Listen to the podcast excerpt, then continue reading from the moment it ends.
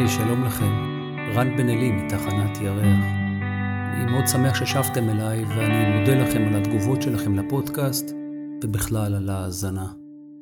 זו הפרק ה-62 של הפודקאסט, והנושא שלנו להיום עוסק בנושא המרחק והמאבק שבין הרצוי והמצוי, ולמרות שזה נושא רחב, אני אשתדל כמובן להיות אה, תמציתי ובהיר עד כמה שאני יכול. על פניו הפרשנות הפשוטה של המרחק בין הרצוי והמצוי אומרת שיש אה, מאבק ויש גם פער בין מה שאני רוצה לבין מה שיש וקיים. אולי בדיוק כמו אדם שנכנס אה, למסעדה שהוא מאוד אוהב, הוא מדמיין לעצמו מנה נהדרת וטעימה שהוא אכל בעבר, והוא מתגעגע לטעם שלה. אבל דווקא היום המנה הזאת חסרה במסעדה, ואז מציעים לו את מה שמצוי וקיים בתפריט. הוא הגיע למסעדה הזאת עבור אה, מצב רצוי שהוא דמיין, אבל כעת אה, הוא ייאלץ להתפשר לכאורה על מצב מצוי, ולהכיר בכך אה, שזה מה שיש, או לוותר ולעזוב למסעדה אחרת, שהרי רצונו לא יתממש. הרבה אנשים לא עושים בכלל עניין מהמצב הזה, ופשוט יזמינו מנה אחרת, וזו דרך ההתנהלות הנכונה, כי היא מכירה במצוי ונותנת כבוד לקיים, ויחד עם זאת, וכמו שנאמר כאן הרבה פעמים, החיים עצמם זו מסעדה. אתה צריך לדעת את הרצוי לך על פי התפריט שאתה קובע, לדייק אותו ולהזמין אותו, תוך כדי כך שאתה מחזיק את הרצון שלך באופן מודע, ועדיין כדאי לתאם את הרצון הזה למצוי, כי אם הלכתם לאכול במסעדה כי אתם אה, רעבים, ואולי רוצים להיות בבילוי, יש בזה הרבה טעם בלמצוא את הרצון שלך דווקא מתוך מה שיש וקיים. כי ככה רצוי משתלב עם המצוי. בין הרצוי והמצוי מתקיים מאבק, אם קיימת בחיים שלכם מסה קריטית של דברים ואולי נושאים שרציתם uh, בתפריט של הרצונות שלכם, והם לא מתממשים, אז לעתים מתחיל להיווצר טעם של החמצה, או איזושהי הרגשה שאתם לא חיים על פי הרצון המוחלט שלכם, אלא נאלצים להתאים את הרצון שלכם רק למה שקיים ומצוי. הרבה אנשים מסבירים לעצמם שככה זה, ואלה החיים, ואלו הנסיבות, אבל בדרך כלל אנשים מוותרים על הרצוי מראש, כי הם מבינים שעבורם החיים מתנהלים רק על פי מה שמצוי או מוכתב על ידי האחרים, ולכן, ועל מנת שלא להתאכזב, הם אולי הפסיקו לרצות ולחלום ולשאוף, כי מה הטעם לרצות ולחלום, אם גם ככה זה לא יקרה ויתגשם להם על פי האמונה שלהם, וכמובן שזה מקיש על כל נושא בחיים שלכם, ועל כל הבחירות שתעשו ועשיתם.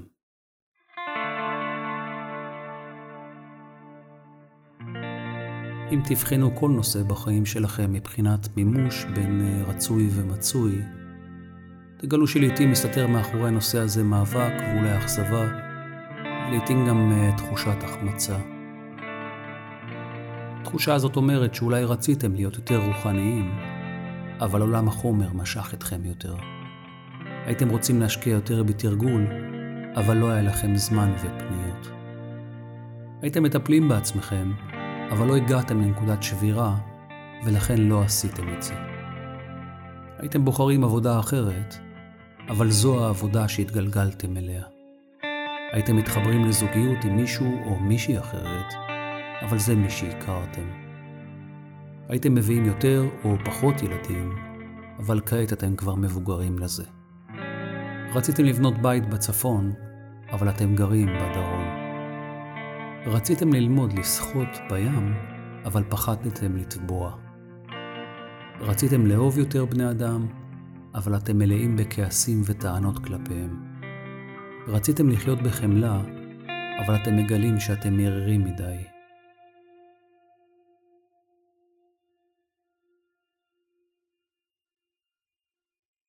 יש כמובן גישות שונות לנושא הזה של הרצוי והמצוי, ויש היום אין סוף אה, שיטות ומאמנים שדוחפים ומעודדים את גישת הרצוי כאיזושהי גישה יחידה שאומרת שאם תרצה זה מה שיהיה, שכמובן אה, מחשבה יוצרת מציאות, ושהכל זה עניין של אה, מוטיבציה ורצון, וזה הרבה פעמים נכון כרעיון, אבל זה חד צדדי ולעיתים גורם לאנשים להקצין במטרות שלהם, וכך באופן אבסורדי, אותם אנשים הולכים אחרי מה שרצוי, אבל הם מביאים את עצמם הרבה פעמים לנקודת שבירה, כי אדם מרגיש לכאורה דלוק ומועצם, ואז הוא מכריז בפני עצמו או בפני אחרים, אני כזה וכזה, יש לי יכולות כאלו וכאלו, ואני מתכוון לדמיין את זה לעצמי כל יום. כשבפועל זו התרסה עצמית ואולי חוסר מודעות, כי מתקיימת הכחשה של מי שאתה באמת. מעצם ההכרזה הזו יש התעלמות מהקשיים, המחדלים והפינות החשוכות, שהתעלמות מהם רק מעצימה אותן. אפשר לומר שהרצוי נוגע יותר ברוח, והמצוי נוגע יותר אה, בחומר, ואי אפשר להתייחס רק אל הרוח ולזנוח את החומר, אחרת תאבדו קשר עם המציאות.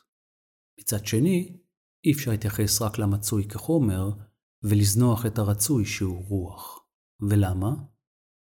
כי רוח וחומר, או רצוי ומצוי, צריכים ללמוד לחיות יחד, וצריך לאזן ביניהם, ולכן, ובשביל לעשות סדר אני רק אומר, שהנשמה היא רוח ופוטנציאל שנשען על מה שרצוי לה, כשהכל אפשרי במסגרת הבחירה שלה. אבל גם לכל דבר יש השלכות כמובן. הנשמה באה לעולם הזה עבור המצוי ועבור מימוש החומר כחוויה. אחרת, כל התכלית שלה מפוספסת. במילים אחרות אפשר לומר שהיא צריכה ללמוד ולצעוד ולהתנהל בעולם החומר, על פי האילוצים, על פי הבחירות, ועל פי החוקים הקיימים, או על פי מה שמצוי, אבל לא לשכוח מאיפה שהיא באה, ולא לשכוח שהיא גם מבקשת להרחיב את החוויה שלה למה שרצוי לה, ולא לצמצם אותה. למעשה, היא צריכה לאזן רוח וחומר יחד, או רצוי ומצוי לחוויה אחת, וזה דורש אה, תרגול שקוראים לו החיים שלי, או בשביל זה אני חי. כל מה שהוא רצוי הוא השאיפות, החלומות, הרצונות, הצרכים והפוטנציאל שלנו. וכל מה שהוא מצוי, אלו החובות שלנו. וכך הצרכים שלנו יוצרים לעתים קונפליקט עם החובות שלנו. אני לא מתכוון כמובן אה, לחובות בבנק למי שיש, אלא חובות לעצמך, שזה אומר, ההתחייבות שהנשמה שלכם או אתם לוקחים על עצמכם ביחס לפעימת החיים שלכם. כשההתחייבות הזאת תמיד תתייחס לצורת ההתנהלות שלכם, לגישה, ואולי לסעיפים שאתם מתחייבים לתקן בהתנהגות, בהתייחסות ובהתנהלות שלכם כלפי עצמכם קודם כל. כשההתחייבות הזאת היא לעצמכם, היא בעצם התחייבות לאנרגיית האם והאלוהות, וזו הסיבה שיש לתת משקל רב למצוי ולקיים, ולהתפתח ולנסות לחבר את הרצוי לשיתוף פעולה, כי המצוי שואף להתעלות ולהתחבר אל הרצוי, ואפשר לומר שברמה הגבוהה של ההתפתחות, המצוי הופך לרצוי והרצוי הופך למצוי.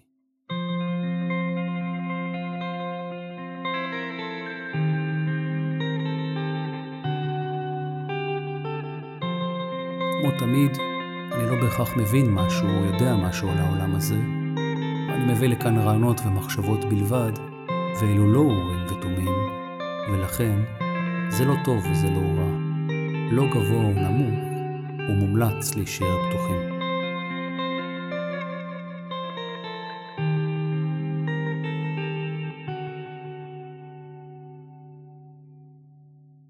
החיים שלנו הם מחזוריים, ואפשר לומר שהדואליות שולטת בהם. חד צדדיות תמיד תתגלה בסוף כחוסר איזון. הרצוי והמצוי הם לכאורה שתי קצוות מנוגדים ומשלימים, כשנקודת החיבור והחיכוך ביניהם יוצרת מאבק, כי היא קשורה לתפיסה שלכם, וגם בגלל שהכל נמצא כל הזמן בשינוי מתמיד. הרצוי שלי היום הוא לא בהכרח הרצוי שלי מחר, אבל המצוי שלי הוא בדרך כלל קבוע.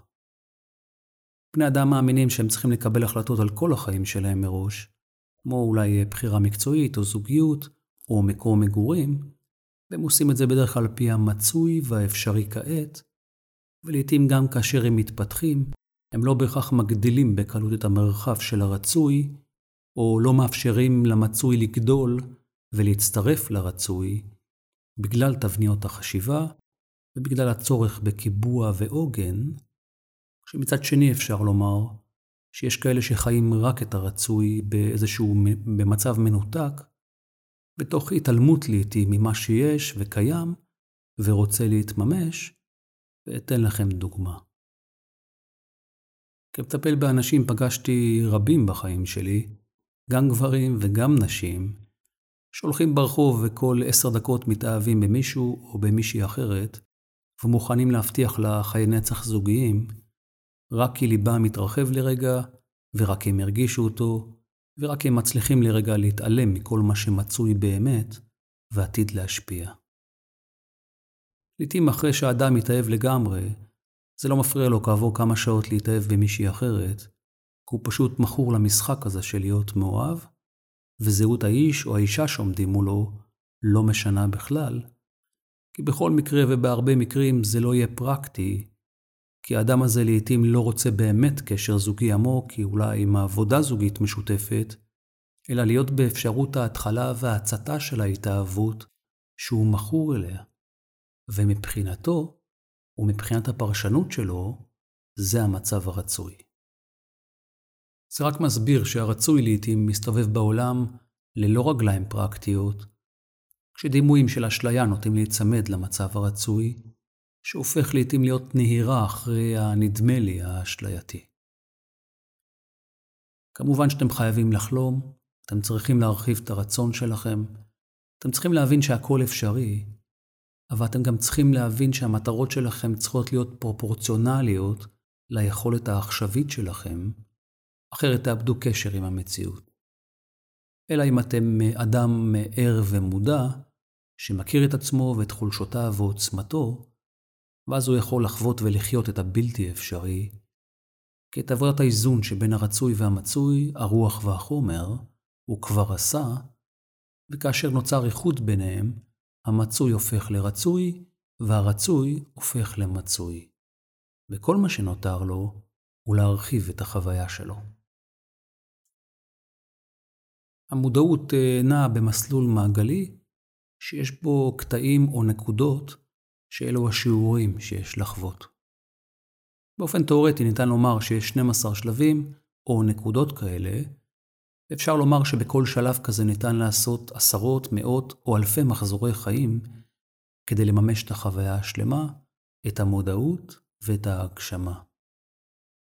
ואם כל שלב או נקודה כזאת מכילה המון פעימות חיים, והיא נעה במסלול מעגלי, אז יש לו למעגל הזה כתבים. הרצוי אומר שההתפתחות המהירה והחזקה ביותר מתרחשת סביב הכתבים הללו, כאשר רוב האנשים מעדיפים לחיות את הוודאי, ולכן הם מעדיפים לחיות באזורים שיש בהם פחות תנועה וקצב.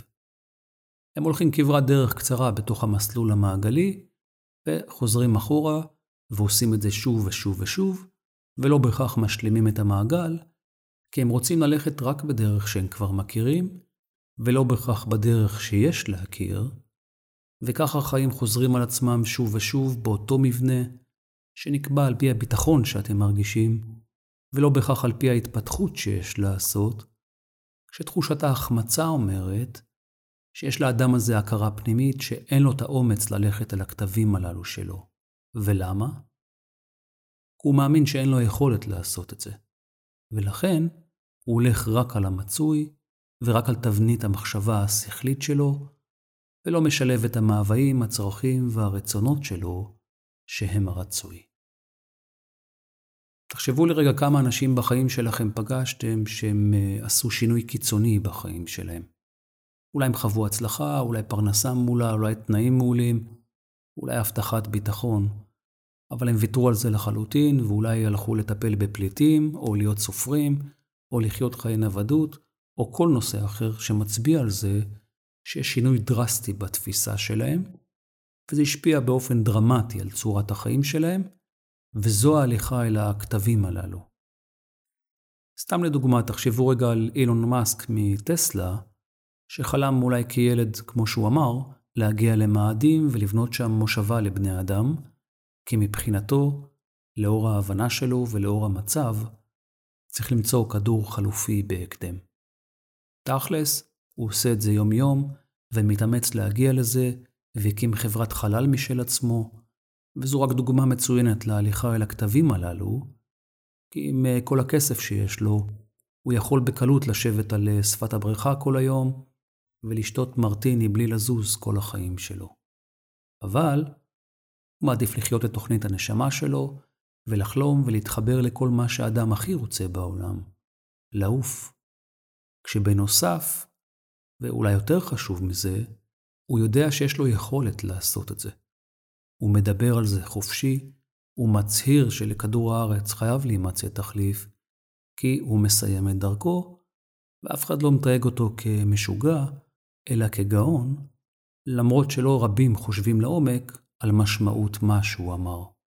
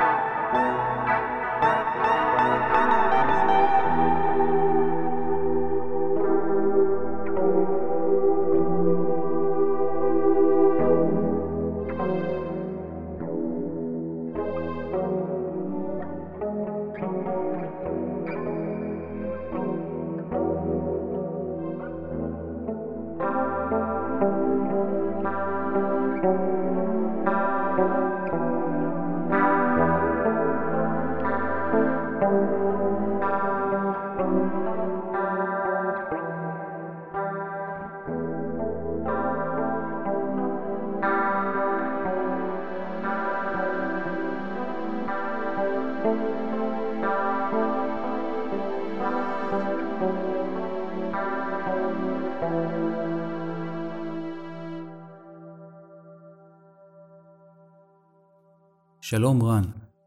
החזקתי מעצמי אדם חזק, ואני מגלה שאין שלד שמחזיק את המבנה הזה. יש לי כוח רצון בהישרדות בלבד, שזה יותר כמו אינסטינקט של חיה, ואפס יישום של רצון משמעותי, שבא לידי ביטוי בחיי היומיום שלי. מעניין כמה שנים אדם יכול להתנהל בחיים שלו, כאשר חלק כל כך משמעותי מהאופי שלו לא נגיש, ויותר מעניין אותי, כמה עוד חלקים כאלה חשובים ומשמעותיים חסומים עדיין בפניי. האם אדם יכול לסמוך על מה שהוא חושב שהוא יודע על עצמו? האם כל או רוב מה שהאדם יודע על עצמו זה תעתוע או אמת חלקית בלבד? ברור לי שהשיעור שהנשמה באה לעבור לא ברור, אך האם זה לא מייתר את השיעור הזה, כי זה חייב להילמד שוב. שאלה טובה אתה שואל. יש הרבה אנשים, ובמיוחד אה, גברים, שמתרגמים חוזק על פי היכולת אה, של כוח ושליטה, ועל פי תבניות המחשבה השכלית, ורק אחרי שקורה להם משהו והם אה, נחשפים לרגשות שלהם, הם מתחילים להכיר בזה שיש להם גם צדדים אחרים, ואולי גם חולשות, שהרי הם אנושיים, והעולם לא באמת מתנהל על פי הדירוג השכלתני שהם עושים לכל דבר בחיים שלהם. אני מקווה שאתה מבין שאתה ביקורתי כלפי עצמך, שהרי תפסת מעצמך אדם חזק, ואז אתה מגלה שאין שלט שמחזיק את המבנה הזה. יש לך כוח רצון להישרדות, אבל אין לך רצון עבור שום נושא שאתה תופס כמשמעותי, ומכאן אפשר אולי להסיק שאתה אדם שורד וכנראה שכלתני מאוד, כי כל עוד תפסת מעצמך ככה, הפרשנות שלך כלפי עצמך הייתה שאתה חזק, וזו כנראה הייתה המטרה. להיות חזק ב mind שלך. נו, אז מה קרה? גילית שיש בך חלקים אחרים שלא התייחסת אליהם מספיק? תרשה לי לשאול אותך משהו. אם הלכת הרבה שנים אחרי ה mind שלך ואחרי תפיסה שכלית של כוח והישרדות, ולפתע גילית שיש דרך אחרת, אז למה אתה מתרגם אותה כחולשה ולא כהזדמנות לשינוי והתפתחות? אתה מדבר פה על הנשמה ועל שיעוריה, אבל אתה כנראה עדיין אה, מביט על החיים או תופס אותם מנקודת מבטו של השורד שחייב להיות חזק, אחרת המסקנה שלו היא שהשלד שלו יתפרק. כשלמעשה חוויית ההישרדות ותפיסת הכוח הסתירה הרבה זמן את אותם חלקים שתפסת כחלשים, אבל הם היו קיימים שם תמיד. במילים אחרות, לא גילית פתאום אה, רגשות וצדדים שלא היו חשופים בפניך, אלא הסרת לרגע את המסכה שהסתירה אותם, כי הם היו קיימים שם תמיד. אם אתה מדבר כאדם רוחני, אז למה אתה לא חי את הרוחני? בחלק מסוים של החיים שלך בחרת לחיות אה, חיי הישרדות, שיש בהם גם קסם, כי הם מניעים את האדם על פי אינסטינקט. חיה, כמו שאמרת, ואולי כעת אתה רוצה לבחור ולחיות חיים על פי הרצון האמיתי שלך. אז מה הבעיה? תציב רצון חדש. אני מאמין שכעת היית שואל את מה שהוספת. האם אדם יכול לסמוך על מה שהוא חושב שהוא יודע על עצמו? כאן תרשה לי לשאול אותך, האם אתה סומך על עצמך? אני מאמין שהיית עונה שמבחינת הישרדות כן, אבל מבחינה רגשית, לחלום ולהרחיב וללכת על הרצוי, לא בטוח. ואם זה מה שתענה, אז אני אשיב לך שאין אה, שום בעיה, תציב ותחלום את הרצון שלך, למרות שאתה לא בהכרח סומך על עצמך.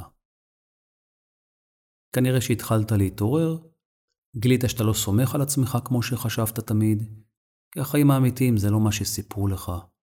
אלו לא סיפורי הישרדות וחוזק, אלא איזון פנימי ובעיקר היכרות עצמית, חוויה, חלימה, רצון ועצמיות ברורה שמכירה בסך חלקיה, כולל הרגשות שלך.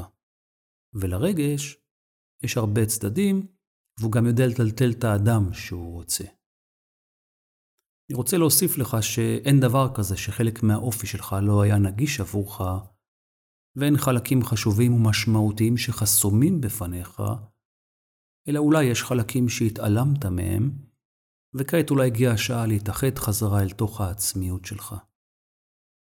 אל תהיה שפוף, אתה אמור uh, לשמוח, התעוררת, יש לך עוד מה לגלות, יש לך עוד מה ללמוד, ולכן יש לך בשביל מה לחיות.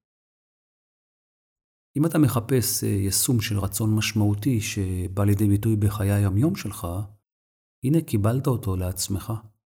לגלות ולהכיר את סך חלקיך ולדעת את עצמך.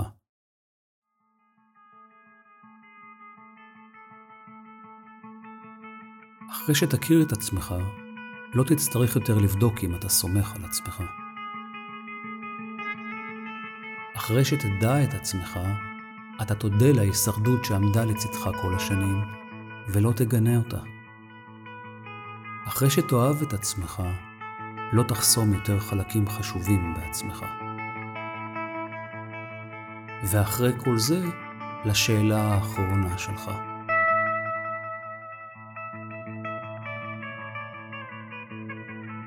האם כל או רוב מה שהאדם יודע על עצמו זה תעתוע או אמת חלקית בלבד? ברור לי שהשיעור שהנשמה באה לעבור לא ברור, אבל האם זה לא מייתר את השיעור הזה, כי זה חייב להילמד שוב.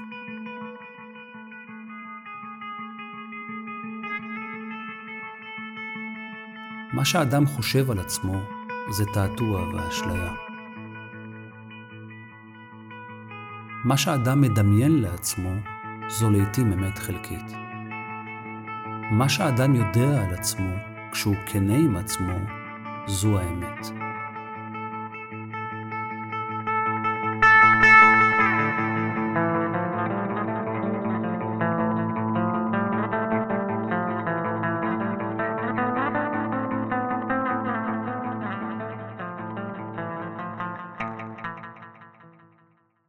השיעור של הנשמה שלך מוסתר מפניך, או לא ברור, כמו שאתה אומר, כי בחרת לחיות בהישרדות, ולא היה לך צורך בידיעה של זה, כי בחרת להתנהל על פי תבניות שכליות, והשכל לא מבין שום דבר ברוח. עכשיו, כשהתחלת להתעורר, אז אתה שואל, האם בגלל אה, שהשיעור של הנשמה מוסתר מפניך, זה לא מייתר את השיעור?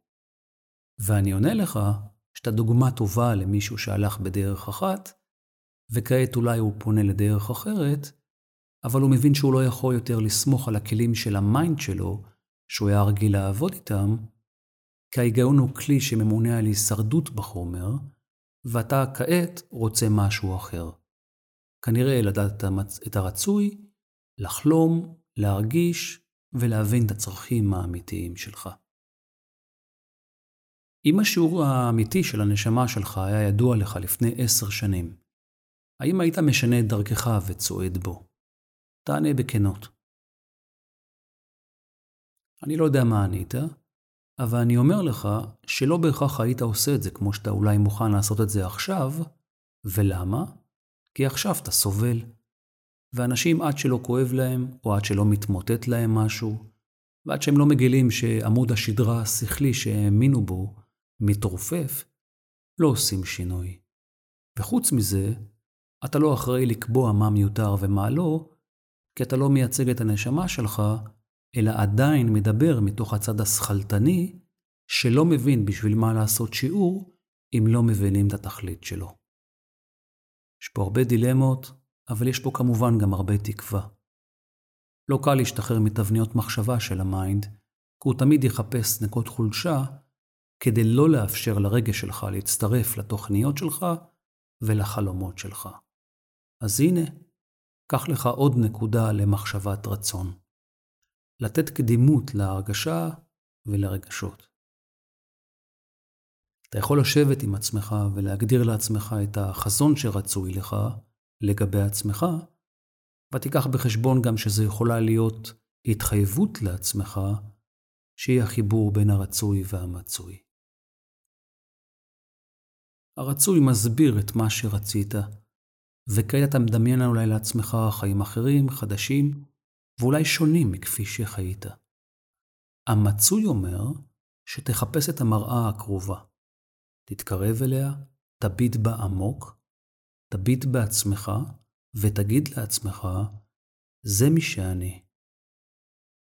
עכשיו, אתה יכול לעסוק במרחק בין מי שאתה כעת לבין מי שאתה רוצה להיות, מבלי לשלול או לגנות או להשמיד את זה שלפני רגע ראית במראה, כי אותו אתה צריך לאהוב קודם, על מנת שתוכל להגיע אל זה שאתה רוצה להיות, שגם הוא אתה.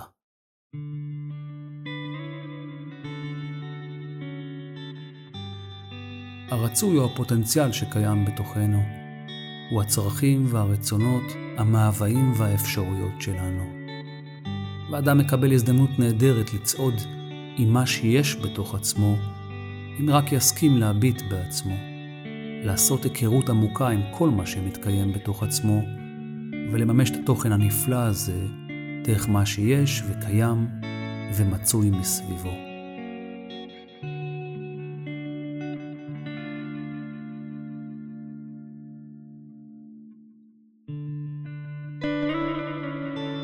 למי שלא רוצה או שלא בא לו, או שהוא לא יודע מי הוא בכלל, ומה המטרה של כל זה, ניתנת הזדמנות לצעוד בחיים הללו רק על פי מה שיש ומצוי וקיים.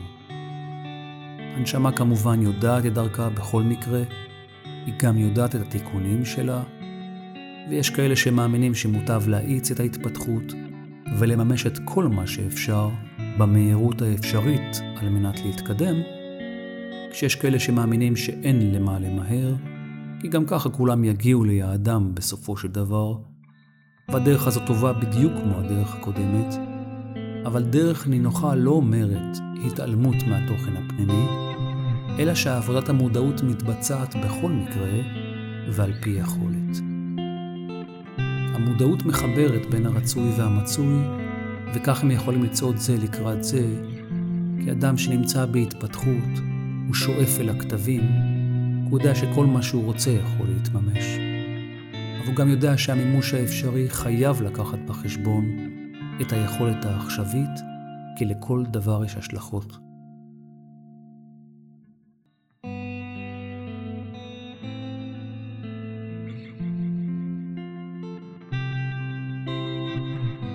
ההליכה הזאת לכתבים מבטאת את האומץ, היא משתדלת ורוצה ושואפת להתרחק מכוח הכבידה, כי האדם רוצה ושואף להגיע לפולריות של עצמו, והוא עושה את זה כי הוא רוצה לעוף.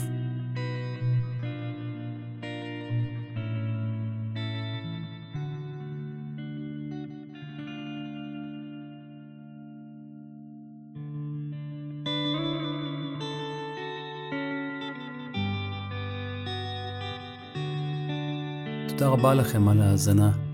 תודה רבה לכם על התגובות ועל השיתופים שלכם. נשמח מאוד אם תדרגו את הפודקאסט אה, בספוטיפיי או באפל פודקאסט. זה מאפשר לתחנת ירח לצמוח ולגדול ולהפיץ את התכנים.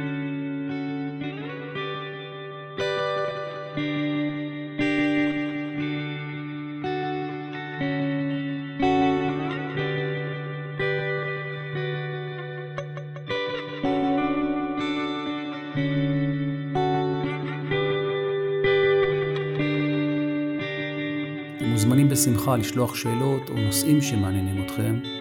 כרגיל אפשר ליצור איתי קשר דרך אתר האינטרנט של תחנת ירח, בקישור moonstation.coil, או בוואטסאפ, או בפייסבוק של אה, תחנת ירח. תודה גדולה ואוהבת לבן שלי עידו על המוזיקה המקורית, הנהדרת והמרגשת שלו. אני מאחל לכם אה, ימים טובים ושמחים, ונתראה בפרק הבא.